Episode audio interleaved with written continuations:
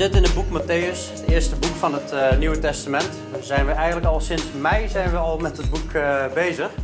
En eh, we hebben in het begin voornamelijk gericht op de preken van Jezus. En die heeft vijf grotere preken gegeven. En bij de laatste preek hebben we eigenlijk gezegd van we, doen eigenlijk de hele, we gaan de hele laatste week van Jezus bekijken. Maar daar staat heel erg veel over om, omschreven. Wat Jezus daar allemaal, allemaal zegt. En ja, als je het vier evangeliën bij elkaar optelt, Matthäus, Marcus, Lucas, Johannes.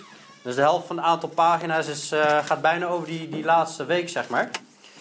En ja, ik kan niet alles samenvatten. Eh, als, je, als je geïnteresseerd bent, preken zijn terug te luisteren op onze site of YouTube. We hebben een, kanaal. Uh, maar vorige keer hebben we in ieder geval gehad over Petrus, die Jezus heeft verlogend en hoe dat kwam. En we zagen dat hij eigenlijk de woorden van Jezus niet serieus nam. Dat zijn gebedsleven een probleem was. Hij kon niet met Jezus waken. En, en hij volgde hem ook op afstand. We kijken vandaag naar Judas. We komen ook vluchtig langs Pilatus. En, en we zien hoe Jezus gewoon totaal afgeranseld gaat worden. We beginnen te lezen in Matthäus 27, vanaf vers 1 tot en met 10 doen we eerst even. Toen het ochtend geworden was, kwamen al de overpriesters en de oudsten van het volk met betrekking tot Jezus gezamenlijk tot het besluit hem te doden. En zij boeiden hem, leidden hem weg en leverden hem over aan Pontius Pilatus, de stadhouder. Toen Judas, die hem verraden had, zag dat hij veroordeeld was, kreeg hij berouw en hij bracht de dertig zilveren penningen bij de overpriesters en de oudsten terug. En zei: Ik heb gezondigd, want ik heb onschuldig bloed verraden. Maar zij zeiden: Wat gaat ons dat aan? Je moet me zien. En nadat hij de zilveren penningen de tempel ingegooid had, vertrok hij. Hij ging heen en hing zich op. Dat betekent dat hij zich aan een touw heeft opgehangen en dat hij gestorven is. De overpriesters pakten de zilveren penningen en zeiden: het is niet geoorloofd die in de offerkist te leggen, omdat het bloedgeld is. En nadat ze beraadslaagd hadden, kochten zij daarvan de akker van de pottenbakker als begraafplaats voor de vreemdelingen. Daarom wordt die akker tot op de dag van vandaag bloedakker genoemd. Toen is vervuld wat gesproken is door de profeet Jeremia. En ze hebben de dertig zilveren penningen genomen, de waarde van de geschatten die zij geschat hadden uit Israëlieten. En ze hebben die gegeven voor de akker van de pottenbakker, zoals de Heere mij bevolen heeft. En onze Vader, Heer Jezus, wilt u uh, vandaag, als we uh, ja, naar uw woorden kijken, Heer, ons ook wijsheid en inzicht geven, ons hart openen. Heer, mij ook helpen om gewoon uh, woorden te spreken die rechtstreeks van u afkomen, Heer. En dat, ja, dat vandaag mag zijn, dat is alsof we u aan het woord hebben gehoord, Heer. En, en, en, en, niet, een, niet een mens, Heer, dat ik er als ware tussenuit ben.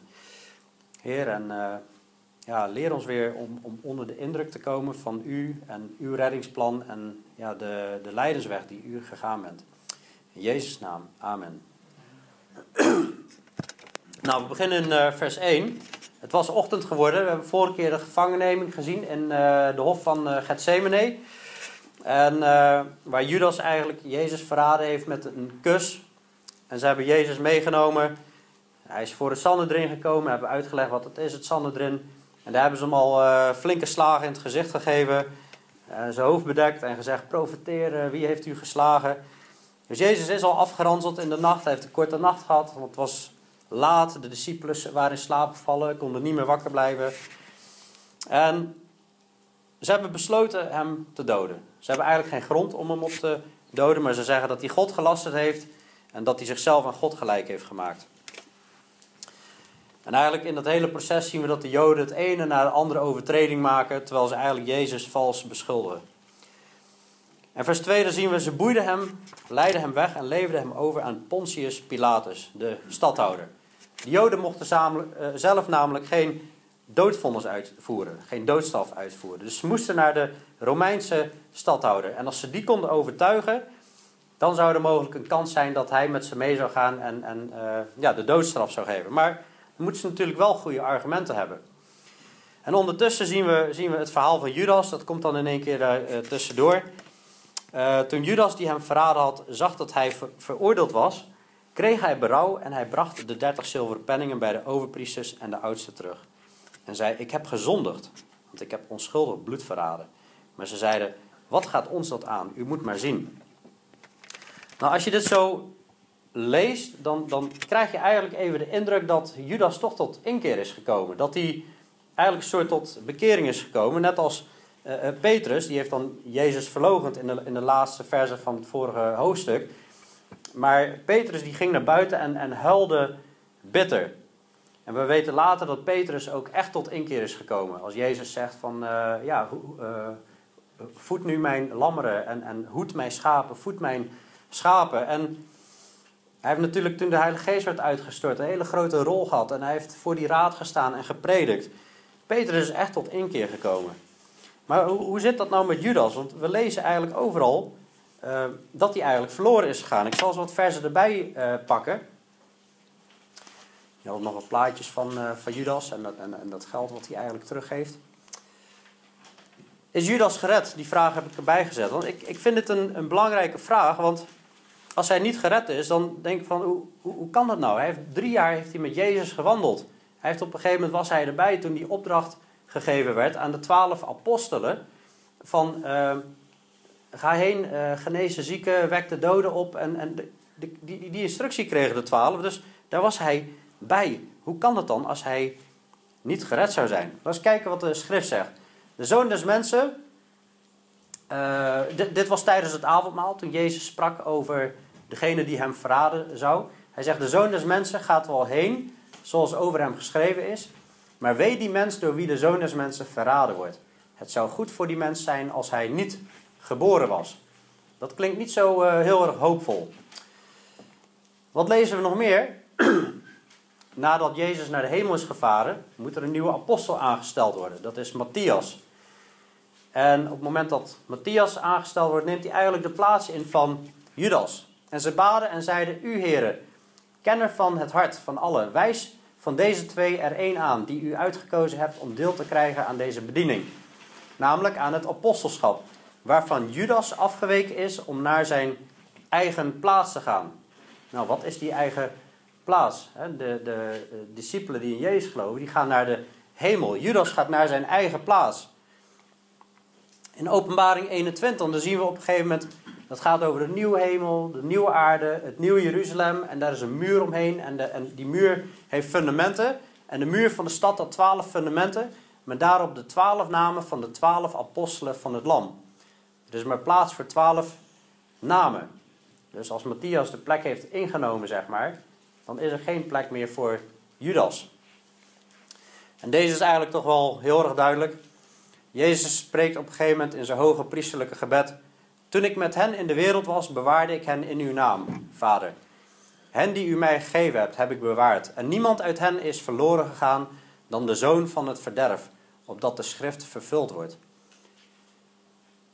Dus als we dit zo zien, dan kom je uh, ja, eigenlijk uh, tot de conclusie dat, dat Judas niet gered was. Maar hoe zit dat nou? Hier staat, hij kreeg berouw en hij zegt, ik heb gezondigd. Als, als wij berouw tonen en, en uh, we erkennen dat we gezondigd hebben, lezen we toch normaal dat we dan gered zijn en dat we vergeven zijn. Maar laten we eens kijken wat de schrift zegt op verschillende plekken. Kijk, we hebben ook, zegt Paulus in, in uh, 2 Korinthe 7 vers 10, hij zegt, de droefheid die overeenkomstig de wil van God is, brengt een onberouwelijke bekering tot zaligheid teweeg. Maar de droefheid van de wereld brengt de dood teweeg. Dus er is een, droefheid overeenkomstig de wil van God. En die brengt echte bekering teweeg. Dat hebben we bij Petrus gezien. Dat is, dat is een bekering en, en daar kom je niet op terug. Dat is een onberouwelijke bekering. Daar krijg je geen spijt van. En, en die leidt tot zaligheid. Maar er is ook een droefheid van de wereld en die brengt de dood teweeg. Wat hebben we gezien wat het gevolg was van Judas? Hij ging heen en hing zichzelf op. Het bracht de dood teweeg in dit geval. En je kunt het een beetje vergelijken met, uh, stel iemand heeft een misdaad gedaan, je hebt iemand mishandeld en je wordt gepakt. Het is op camera vastgelegd. Dan kun je heel erg uh, daarvan balen en, en echt, ja, gewoon uh, het heel vervelend vinden dat je gewoon gepakt bent. En over de situatie droefheid hebben en vervelend vinden dat ja, die man of vrouw klappen heeft gehad. Maar ja, goed, als de situatie weer voor zou komen, zou je misschien gewoon precies hetzelfde doen. snap je, dat is, dat is wel droefheid om de situatie, maar niet een, een droefheid en bekering tot God, zeg maar. Hoe kun je dan gered worden? Hoe, kijk, als je dit zo leest, dan, dan ga je bijna denken van... Jongen, jongen, hij heeft drie jaar met Jezus gewandeld. Hij heeft wonderen en tekenen gedaan. Maar Jezus had zelf al gezegd, in Matthäus 7... Niet iedereen die tegen mij zegt, Heere, Heere, zal het koninkrijk van God binnengaan. Er zullen mensen zijn die wonderen hebben gedaan, tekenen, demonen uitgeworpen. En hij zal gewoon tegen hen zeggen van, uh, ga weg van mij. Ik heb jullie nooit gekend, werkers van de ongerechtigheid. Dus als, als iemand zegt een volgeling van Jezus te zijn, maar gewoon werker van de ongerechtigheid is, zit nog helemaal vol met ongerechtigheid, dat, dat, klopt niet. Dat kan niet. Je bent of van het licht of je bent van de duisternis. Als je van het licht bent, doe je de werken van het licht. Als je van de duisternis bent, dan doe je de werken van de duisternis. En ik, ik, ik heb het niet over af en toe struikelen, maar gewoon over continu in zonde leven. Maar wat zegt de schrift nou? Die zegt, als wij onze zonde beleiden, hij is getrouw, God is getrouw en rechtvaardig, onze zonde te vergeven. En ons te reinigen van alle ongerechtigheid. Als je dit vers zou lezen, zou je nog kunnen zeggen, nou, daar, voldoet uh, Judas toch? Hij, hij kreeg berouw en hij zegt, uh, ik, ik heb gezondigd. Dus hij beleidt eigenlijk zijn zonde. Maar er komt meer bij kijken dan dat. Aan wie beleid je je zonde? Hij zegt dit tegen mensen, hij zegt dit tegen die overpriesters. Hè? Ik heb gezondigd, ik heb iets gedaan wat niet goed is. Maar wij moeten niet onze zonde beleiden aan mensen, maar aan God. En verder moeten wij, uh, we zien op verschillende plaatsen als mensen vragen, hoe moeten we dan tot geloof komen? Wat moeten we doen? Wat moet ik doen om zalig te worden? Die vraag wordt gesteld in Handelingen 16. En ze zeiden, geloof in de Heer Jezus Christus en je zult gered worden. En dat is een geloof als je vertrouwen in Hem stellen. Dus het is al je zonde beleiden en vertrouwen in de Heer Jezus Christus. En op een andere plaats, in, in Handelingen 2, wordt die vraag ook gesteld. Wat moeten wij doen? En dan zegt Petrus, die zegt, bekeer u en laat u gedoopt worden in de naam van Jezus Christus tot vergeving van de zonde. En u zult de gave van de Heilige Geest ontvangen. Dan geloof wel dat op andere plekken staat dat je alleen maar gered kan worden uit het geloof. En dat, dat, dat geeft je redding. Uit, uh, uh, uit genade door het geloof zijn wij gered. Niet uit werken, zodat niemand zal roemen. Maar in de Bijbel zie je eigenlijk meestal dat het gewoon één handeling is. Komen tot geloof, laten zich meteen dopen en, en de Heilige Geest ontvangen ze dan, zeg maar. Maar we weten uit Efeze 1 vers 13 is er geloof ik dat we verzegeld zijn met de Heilige Geest vanaf het moment dat we geloofd hebben. Maar we zien hier dus al, het is je zonde beleiden, het is geloven in de Heer Jezus en het is je bekeren. dus je wandelde eerst eigenlijk die kant op in de werken van de duisternis en daar is, daar is eigenlijk God. En dan loop je eigenlijk van God weg en, en, en je liegt en je, en je steelt en je gebruikt Gods naam misschien verkeerd of, of, of begeert vrouwen met, met lust in je hart, zeg maar. En, en tre, uh, ja, pleeg daarmee overspel. Allemaal van dat soort dingen. En op het moment dat je bekeert, dan keer je eigenlijk tot God. Je stelt je vertrouwen in Hem en gaat zo met Hem wandelen. En gaat die werken niet meer doen, maar de werken van het licht. Hè? Je, je naaste liefhebben als je zelf. En, en die, die oude werken, die dood je dan. Dat is echte bekering. En het is ook niet hè, uh, dat, dat zondebeleiden en geloven in de Heer Jezus. Dat is niet gewoon van, uh, nou ik heb gezondigd en oh, goed, ik heb beleden. En uh, ja, ja, ik geloof dat Jezus God is. Nou, als ik dan gered ben, mooi, weet je. Nee, als je met je mond de Heer Jezus beleidt en met uw hart gelooft dat God hem uit de dood heeft opgewekt, dan zult u zalig worden. Dus het is niet een formule opzeggen, het is echt gewoon met heel je hart dat geloven. En dus met heel je hart hem vertrouwen. Dus het is zonder blijden, geloven in de Heer Jezus, je bekeren en, en, en met je hart geloven. En die elementen hebben we niet gezien bij uh, Judas. En ik geloof dat hij daarom niet gered is. Want hij had geen hoop. Als hij hoop had, had hij zichzelf niet opgehangen. Hij, hij was gewoon hopeloos over de situatie. En vervolgens heeft hij zichzelf opgehangen. Ja, ik denk dat we allemaal gewoon in ons eigen hart mogen kijken. Ook, ook, ook kinderen. Weet je, je kunt jarenlang naar de kerk gaan, volwassenen. Je kunt jarenlang naar de kerk gaan. Je kunt jarenlang met mensen hebben gewandeld die met Jezus wandelen. Je kunt jarenlang gezegd hebben, ik heb met Jezus gewandeld. En er toch helemaal naast zitten als jij dit niet gedaan hebt. Dit is wat God vraagt om te doen. En dat is eigenlijk het, het, het, het, evangelie. Dat we geloven in de Heer Jezus. Hij heeft het werk aan het kruis gedaan, de zonde op zich genomen. En dat we geloven in de opstanding. Oh, daar was trouwens nog een, uh, een plaatje van, uh, van Judas. Van dat, dat, dat Uh, was, ik, was ik vergeten. Maar ja, dat geldt eigenlijk gewoon een... It's a trap. Money, money is a, is, is a trap. En we moeten gewoon voor waken in ons, in ons leven. Dat wij... Daardoor is Judas is eigenlijk gevallen... Hè, omdat hij eigenlijk een liefde voor geld had. En, en de, de liefde voor geld of geldzucht is de wortel van al het kwaad. Oké, we gaan verder met uh, vers 11. En Jezus stond voor de stadhouder en de stadhouder vroeg hem: U bent de koning van de Joden? En Jezus zei tegen hem: U zegt het. We zien continu eigenlijk die vraag terugkomen. Ben je nou God? Ben jij de Messias? Ben je de koning van de Joden? Jezus had het al aan de apostelen gevraagd, aan de discipelen. Caiaphas die vroeg het. En iedereen moet die vraag beantwoorden. Pilatus stelt ook die vraag. Want als hij een koning is, dan heeft Pilatus een reden om deze man terecht eh, te stellen en te, en te doden. Want je kunt jezelf niet zomaar tot koning maken binnen het Romeinse Rijk.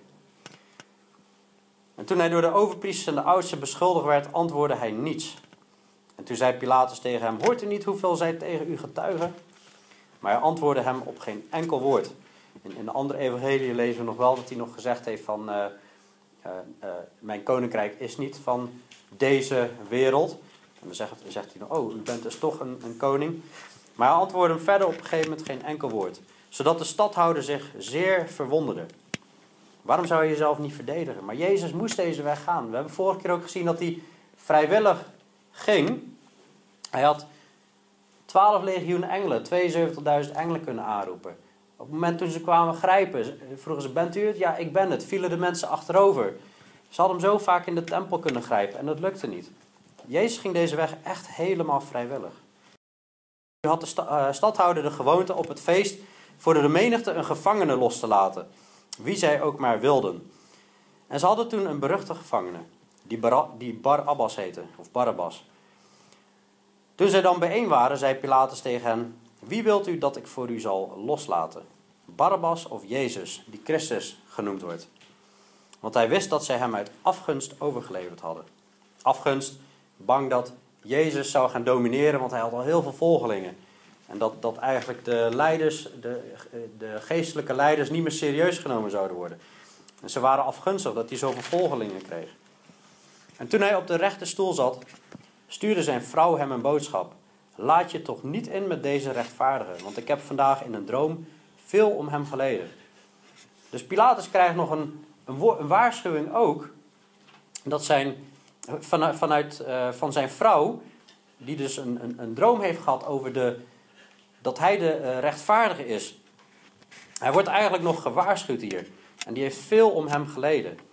Maar de overpriesters en de oudsten haalden de menigte over dat zij om Barabbas zouden vragen en Jezus zouden ombrengen. De stadhouder antwoordde hun en zei: Wie van deze twee wilt u dat ik voor u zal loslaten? En ze zeiden: Barabbas. Misschien dacht hij nog van: Nou, weet je, als ik ze de keuze geef van uh, hier heb je iemand, een misdadiger, dan zullen ze waarschijnlijk uh, Jezus wel laten gaan en dan kom ik er wel goed mee weg. Maar ze hadden al zo'n haat en zo'n boosheid over Jezus en wat hij gezegd had allemaal. Want hij had hen natuurlijk beschuldigd als hypocrieten en huigelaars en slangen en van alles en nog wat. En ze zeiden alle tegen hem: Laat hem gekruisigd worden. Maar de stadhouder zei: Wat, wat voor kwaad heeft hij dan gedaan? Ook de stadhouder die, die moet dat wel kunnen verantwoorden. Hij kan niet zomaar iemand laten kruisigen. Hij moet dat verantwoorden. Maar des te meer zeiden ze: Laat hem gekruisigd worden. En toen Pilatus zag dat hij niets bereikte, maar dat er veel meer opschudding ontstond, nam hij water hij waste zijn handen voor de ogen van de menigte en zei: Ik ben onschuldig aan het bloed van deze rechtvaardige. U moet maar zien. Maar zo makkelijk kom je er niet meer weg, eh, Pilatus. Door je handen te wassen in water en zeggen: Ik heb geen schuld aan deze. Ja, Pilatus zit nou in een situatie dat, ja, er begint toch een beetje een oproer te ontstaan. Ze willen echt dat hij gekruisigd wordt. En hij, hij, het lijkt alsof hij gewoon bang is van als, als hij hem niet laat kruisigen, dat er echt een opstand gaat komen. Dus hij begint gewoon in eigen belang te denken: van ja, ik moet niet hebben dat straks de Romeinse keizer over mij zegt: jij kunt de boel niet onder controle houden. Dus hij komt nu op een punt dat hij eigenlijk zoiets heeft van: dan kruisen we maar. Dan krijgen jullie je zin. Of die nou terecht uh, de dood verdient of niet, uh, hem maar gewoon. Maar ik ben onschuldig aan het bloed van deze rechtvaardige. En hij was zijn handen in onschuld, denkt hij. En je ziet ook hier weer, net als Caiaphas en net als meerdere, dat ze stellen eigenlijk de vraag wie Jezus is, maar ze doen er zelf persoonlijk niks mee.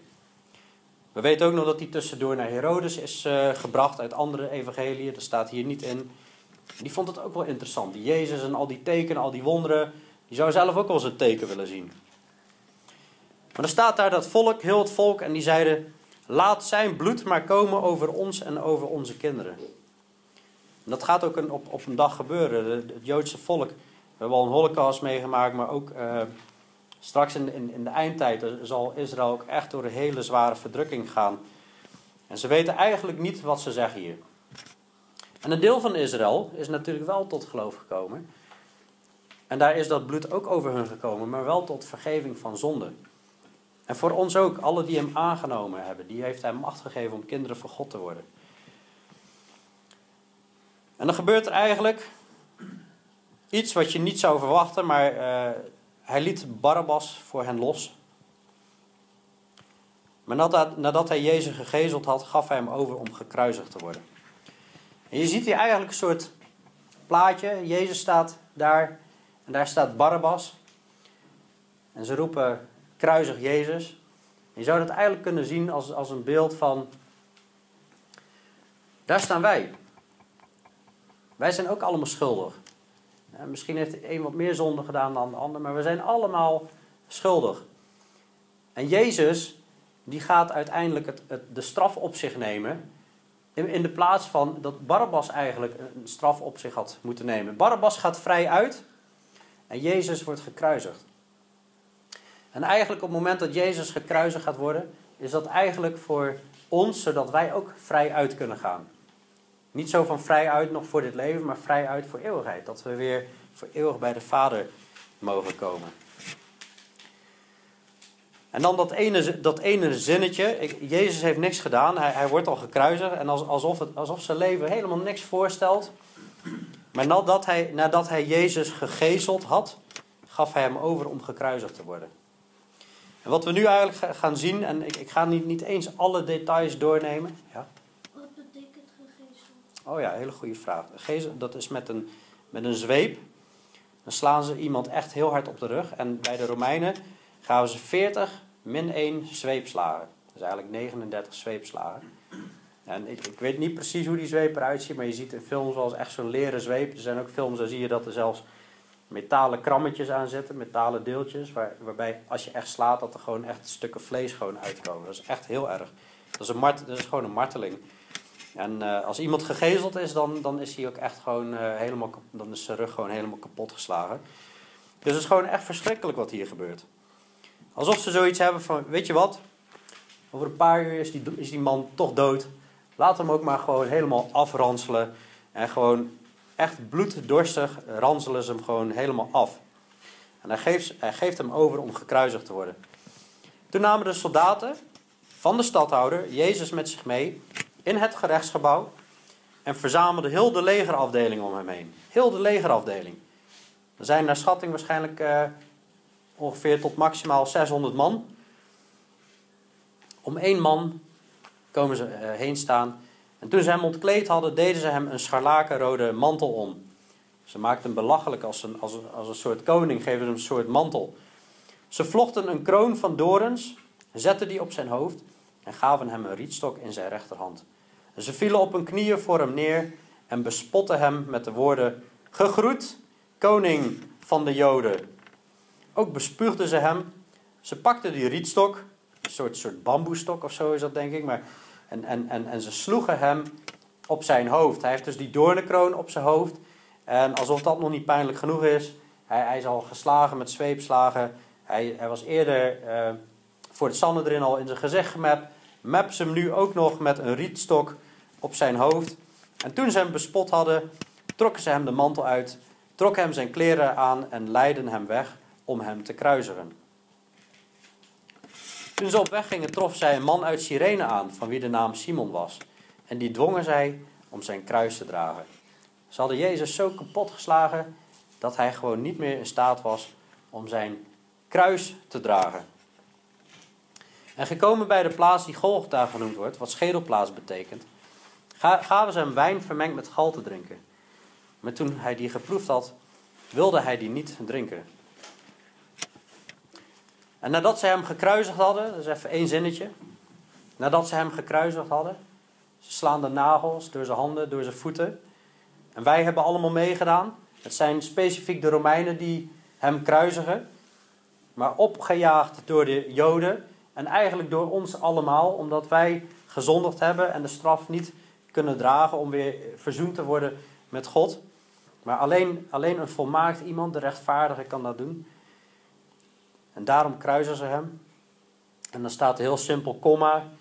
Verdeelden ze zijn kleren door het lot te werpen, opdat vervuld zou worden wat gezegd is door de profeet. ze hebben mijn kleren onder elkaar verdeeld en om mijn kleding hebben ze het lot geworpen. En we zien dat ook al wordt Jezus gekruisigd, dat nog steeds profetie na profetie na profetie vervuld wordt. En ze gingen, ze gingen zitten om hem daar te bewaken. En ze brachten boven zijn hoofd een opschrift. En die brachten ze aan met de beschuldiging tegen hem: Dit is Jezus, de koning van de Joden. En wat daar stond was ook gewoon echt waarheid. Hij is ook de koning van de Joden en hij wordt ook de koning van de Joden. En dat zal één dag geopenbaard gaan worden in de toekomst. Maar hij kwam nu om zich te laten kronen en, en, en om, de, om de straf op te nemen als geslachte lam. Jezaja 53 omschrijft dit al heel uitgebreid dat hij als een lam ter slachting geleid zou worden. En toen werden met hem twee misdadigers gekruisigd, één aan zijn rechter en één aan zijn linkerzijde. En we weten uiteindelijk dat een van die misdadigers uiteindelijk toch nog tot geloof is gekomen. En ingezien heeft van dat hij de rechtvaardige is en dat hun terecht als zondaars daar aan het kruis hangen. En hij mag die dag, omdat hij gelooft in de Heer en vraagt: Wil je mij gedenken in het paradijs? Mag hij mee.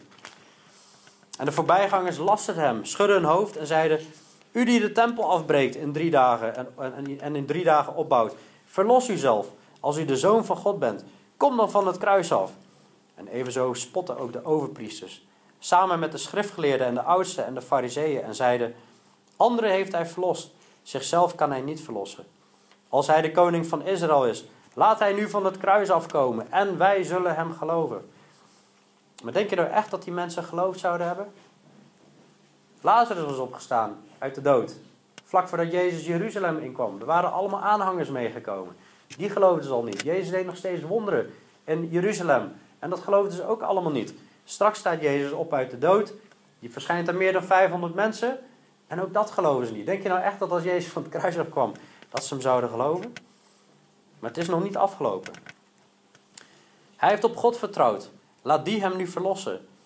Als hij hem welgezind is. Want hij heeft gezegd: Ik ben Gods zoon. En hetzelfde verweten hem ook de misdadigers die met hem gekruisigd waren. Dus dan moet die bekering van die ene misdadiger daarna zijn geweest. En vanaf het zesde uur kwam er duisternis over heel de aarde, tot het negende uur toe. Dit is echt heel bizar wat hier eigenlijk staat, want het zesde uur, de, de Joden beginnen te rekenen vanaf eh, zonsopgang, vanaf zes uur s ochtends als het eerste uur. Dus zes uur, het zesde uur is eigenlijk twaalf uur smiddags. Twaalf uur smiddags, midden op de dag, als de zon op de hoogste uh, positie staat, komt er duisternis over heel de aarde tot het negende uur toe. Van, van 12 tot 3 uur. Er staat ook niet dat het plotseling bewolkt werd. Er staat ook niet dat er een zandstorm kwam. Er staat ook niet dat er een eclips gaande was. En dat kan ook niet, want we weten wat de stand van de maan toen was. En er kon geen eclips bij plaatsvinden. Dit is een bovennatuurlijke duisternis die over heel de aarde komt. Het is niet eens plaatselijk, hè? het is over heel de aarde. Dus, dus eigenlijk. Uh, er zijn zelfs vertalingen, als je kijkt in de verschillende evangeliën en, en verschillende vertalingen, zijn er vertalingen die het vertalen als the sun stopped shining. Dat de zon gewoon stopte met, met, met, met schijnen. En het lijkt hier alsof gewoon, omdat, omdat er zoveel duisternis op Jezus komt, zoveel zonde en, en alle, alle misère, alle, alle, alle slechtheid van, en, en het kwaad van, van, de, van de mensheid, komt op, op, op Jezus. Alsof de Vader gewoon zegt, ik, ik kan dit niet aanzien en een volledige duisternis komt. Ik weet, het is een stukje interpretatie, maar Het is zo bizar dat er midden op de dag gewoon drie uur duisternis is. En ongeveer op het negen uur, dus drie uur s middags, riep Jezus met een luide stem: Eli, Eli, lama sabachthani. En dat betekent: Mijn God, mijn God, waarom hebt u mij verlaten? Hier zien we dat God, en we hebben, eerder gezien, volgens mij was het twee weken geleden, hoe de Vader, Zoon en de Heilige Geest eigenlijk één dezelfde God zijn. En toch drie verschillende. En hier op dit moment, het enige moment dat we ooit lezen in de Bijbel, dan zie je dat God, dat Jezus van de Vader is afgescheiden. Op het moment dat het diepe duisternis is. En sommigen van hen die daar stonden zeiden, toen zij dit hoorden, hij, hij roept Elia. En meteen snelde een van hen toe, nam een spons, doordrenkte die met zure wijn, stak hem op een rietstok en hij gaf hem te drinken. Maar de anderen zeiden, hou op, laten we zien of Elia komt om hem te verlossen. En Jezus riep nogmaals met luide stem en hij gaf de geest. En zie, het voorhangsel van de tempel scheurde in tweeën, van boven tot beneden. De aarde beefde en de rotsen scheurden. Dit is allemaal zo bovennatuurlijk wat hier gaat, wat hier, wat hier gebeurt en, en wat hier gaande is. En het voorhangsel van de tempel, dat was een voorhangsel wat de weg naar het heilige der heiligen blokkeerde. Er mocht alleen maar de hoge priester één keer per jaar daarin om de zonde te verzoenen tijdens een grote verzoendag voor het volk. En die scheurt van boven naar beneden. Dus vanuit de hemel naar beneden, naar de aarde. Niet van beneden naar, de naar boven. En uh, we, we, weten ook dat het net de tijd was van het offer. Dat, dat de offers bereid werden, zeg maar. Dus die tempel moet ook gevuld zijn met, met mensen. En dat de priesters dit allemaal zagen. En we weten ook dat Jezus onze hoge priester is. En dit is het moment dat Jezus eigenlijk doorgaat. En eigenlijk de weg vrijmaakt naar het heilige de heilige. Naar de troon van genade voor ons om als hoge priester te gaan dienen. En, en de aarde beefde en de rotsen scheurden. Er gebeuren allemaal, allemaal bovennatuurlijke dingen. Drie uur duisternis, aarde beefde, rotsen scheurden. ook werden graven geopend en veel lichamen van heiligen die ontslapen, die gestorven waren, werden opgewekt. En na zijn opwekking gingen zij uit de graven, kwamen in de heilige stad en zijn aan velen verschenen. Als je heel goed leest wat die staat, dat is echt heel bizar. Jezus heeft de geest gegeven. Er worden graven geopend. Dat gaat gepaard met allemaal beving en rotsen die scheuren. En de voorhangsel wat, wat open scheurt. Dus die graven gaan open. Veel lichamen van heiligen die gestorven waren, werden opgewekt. Dus op dat moment zijn ze opgewekt. Maar pas na zijn opwekking, na Jezus' opwekking, na zijn opstanding, gingen ze uit de graven. Dus die mensen liggen daar in geopende graven, drie dagen lang. Ze zijn al opgewekt. Maar ze komen er nog niet uit. En na zijn opwekking gingen zij uit de graven. Dat is echt zo, zo bizar wat hier staat. En dan komen ze in die heilige stad en zijn er veel mensen verschenen. Oma, wat doe jij hier nou? Oma die al overleden was, die loopt in één keer weer rond. Of weten wij veel, misschien zagen ze wel inderdaad Elia. Of we weten niet wie daar verschenen, maar dit is zo raar. Dit is zo raar wat daar gebeurt. Jezus had Lazarus al opgewekt, maar we zien er eigenlijk een soort sneak preview van de uiteindelijke opstanding die komen gaat. Waar we echt vernieuwde lichamen zullen hebben. En wat, wat hier gebeurt is dat mensen opstaan uit de dood. Waarschijnlijk nog niet met vernieuwde lichamen. Maar dit is het bewijs dat Jezus laat zien: ik ben de opstanding en het leven. Zelfs die hoofdman, toen de hoofdman over 100, de Romeinse soldaat die hem net gekruisigd had, samen met zijn mensen, toen de hoofdman over honderd en zij die met hem Jezus bewaakten, de aardbeving zagen en de dingen gebeurden, dus die duisternis, voorrang wat scheurde en die graven die opengewekt worden, werden zij erg bevreesd. Ja, dat zou ik ook hebben. Dat is gewoon niet meer normaal wat er hier allemaal gebeurt. En ze zeiden werkelijk, dit was Gods zoon. Ze hebben hem net gekruisigd, ze hebben hem net bespot, ze hebben hem net gegezeld. En op dit moment, zeggen ze werkelijk, dit was Gods zoon. En er waren daar veel vrouwen die uit de verte toekeken. En ze waren Jezus gevolgd van Galilea om hem te dienen. En onder hen was Maria Magdalena en Maria, de moeder van Jacobus en Jozef en de moeder van de zonen van Zebedeus. En we zien hier, samen met de andere evangelie, zien we zoveel overweldigend bewijs dat Jezus God is, dat Jezus de Zoon van God is, dat Hij vanuit God kwam. Ik bedoel, als je gewoon de optelsom maakt. Hij, hij, heeft laten zien dat hij macht had over vloeistof. Hij liep over water, hij veranderde water in wijn. Hij had macht over materie. Hij vermenigvuldigde broden en vissen. Hij had macht over lichamen. Hij, hij genas die. Hij had macht over de demonen. Hij dreef die uit. Hij had macht over de atmosfeer, want hij bestrafte de stormen. Hij had over alles macht en bovenal over, over zijn eigen leven om die weer op te wekken. Er is maar één die dit kan, dat is God. En dit is, dit is zo overweldigend bewijs en het is zo goed gedocumenteerd. En ik, ik heb, toen ik eh, twintig jaar geleden tot geloof kwam, heb, heb ik goed nagedacht van... Ja, ik, ik wil echt God zoeken, maar waarom zou ik christen worden? Waarom word ik niet eh, eh, moslim of boeddhist of hindoeïst? Maar als je kijkt wat Jezus heeft gedaan, er is gewoon niemand die daaraan kan tippen. Wat Jezus heeft gedaan en die zo krachtig bewijst dat hij de Zoon van God is. En als je Johannes Evangelie leest, die zegt dat ook. Hè? Deze dingen heb ik jullie geschreven, zodat je weet dat Jezus de Zoon van God is. Hij zegt zelfs van, ja, als ik alle dingen op had moeten schrijven, nou, dan zouden zelfs alle boeken in de wereld zouden dat niet eens kunnen bevatten, zeg maar. Het is zo overweldigend wat Jezus heeft gedaan. En, en, als je dit, dit verhaal leest en, en ziet en hoort, dan is er eigenlijk maar één antwoord op, op, op, op mogelijk. Jezus is God en, en dat we ons bekeren en, en, en geloven, onze zonden beleiden en ons voegen onder de wil van God. Of je legt het totaal naast je neer en dan ben je voor eeuwig verloren. Zo, zo ja, hard is de situatie nou eenmaal. Maar God houdt ontzettend veel van mensen. Hij is bewogen over de mensen. Daarom heeft hij zijn zoon gegeven. En ik ben hem zo ontzettend dankbaar dat ik gered ben van zonde. En dat hij me zijn zonde schoongewassen heeft. En dat ieder die in hem gelooft en zijn zonde beleidt en zich bekeert, dat, dat, dat de zonden weggewassen zijn. Dit is zo'n grote rijkdom. Dat God zoveel van jou en mij houdt, dat hij zijn eigen zoon heeft opgeofferd. En uh, ja, ik heb, ik, ik heb uh, een, een, een, lied gevonden waar ik mee uh, wil eindigen. Ik ga zelf niet zingen, wees niet bang.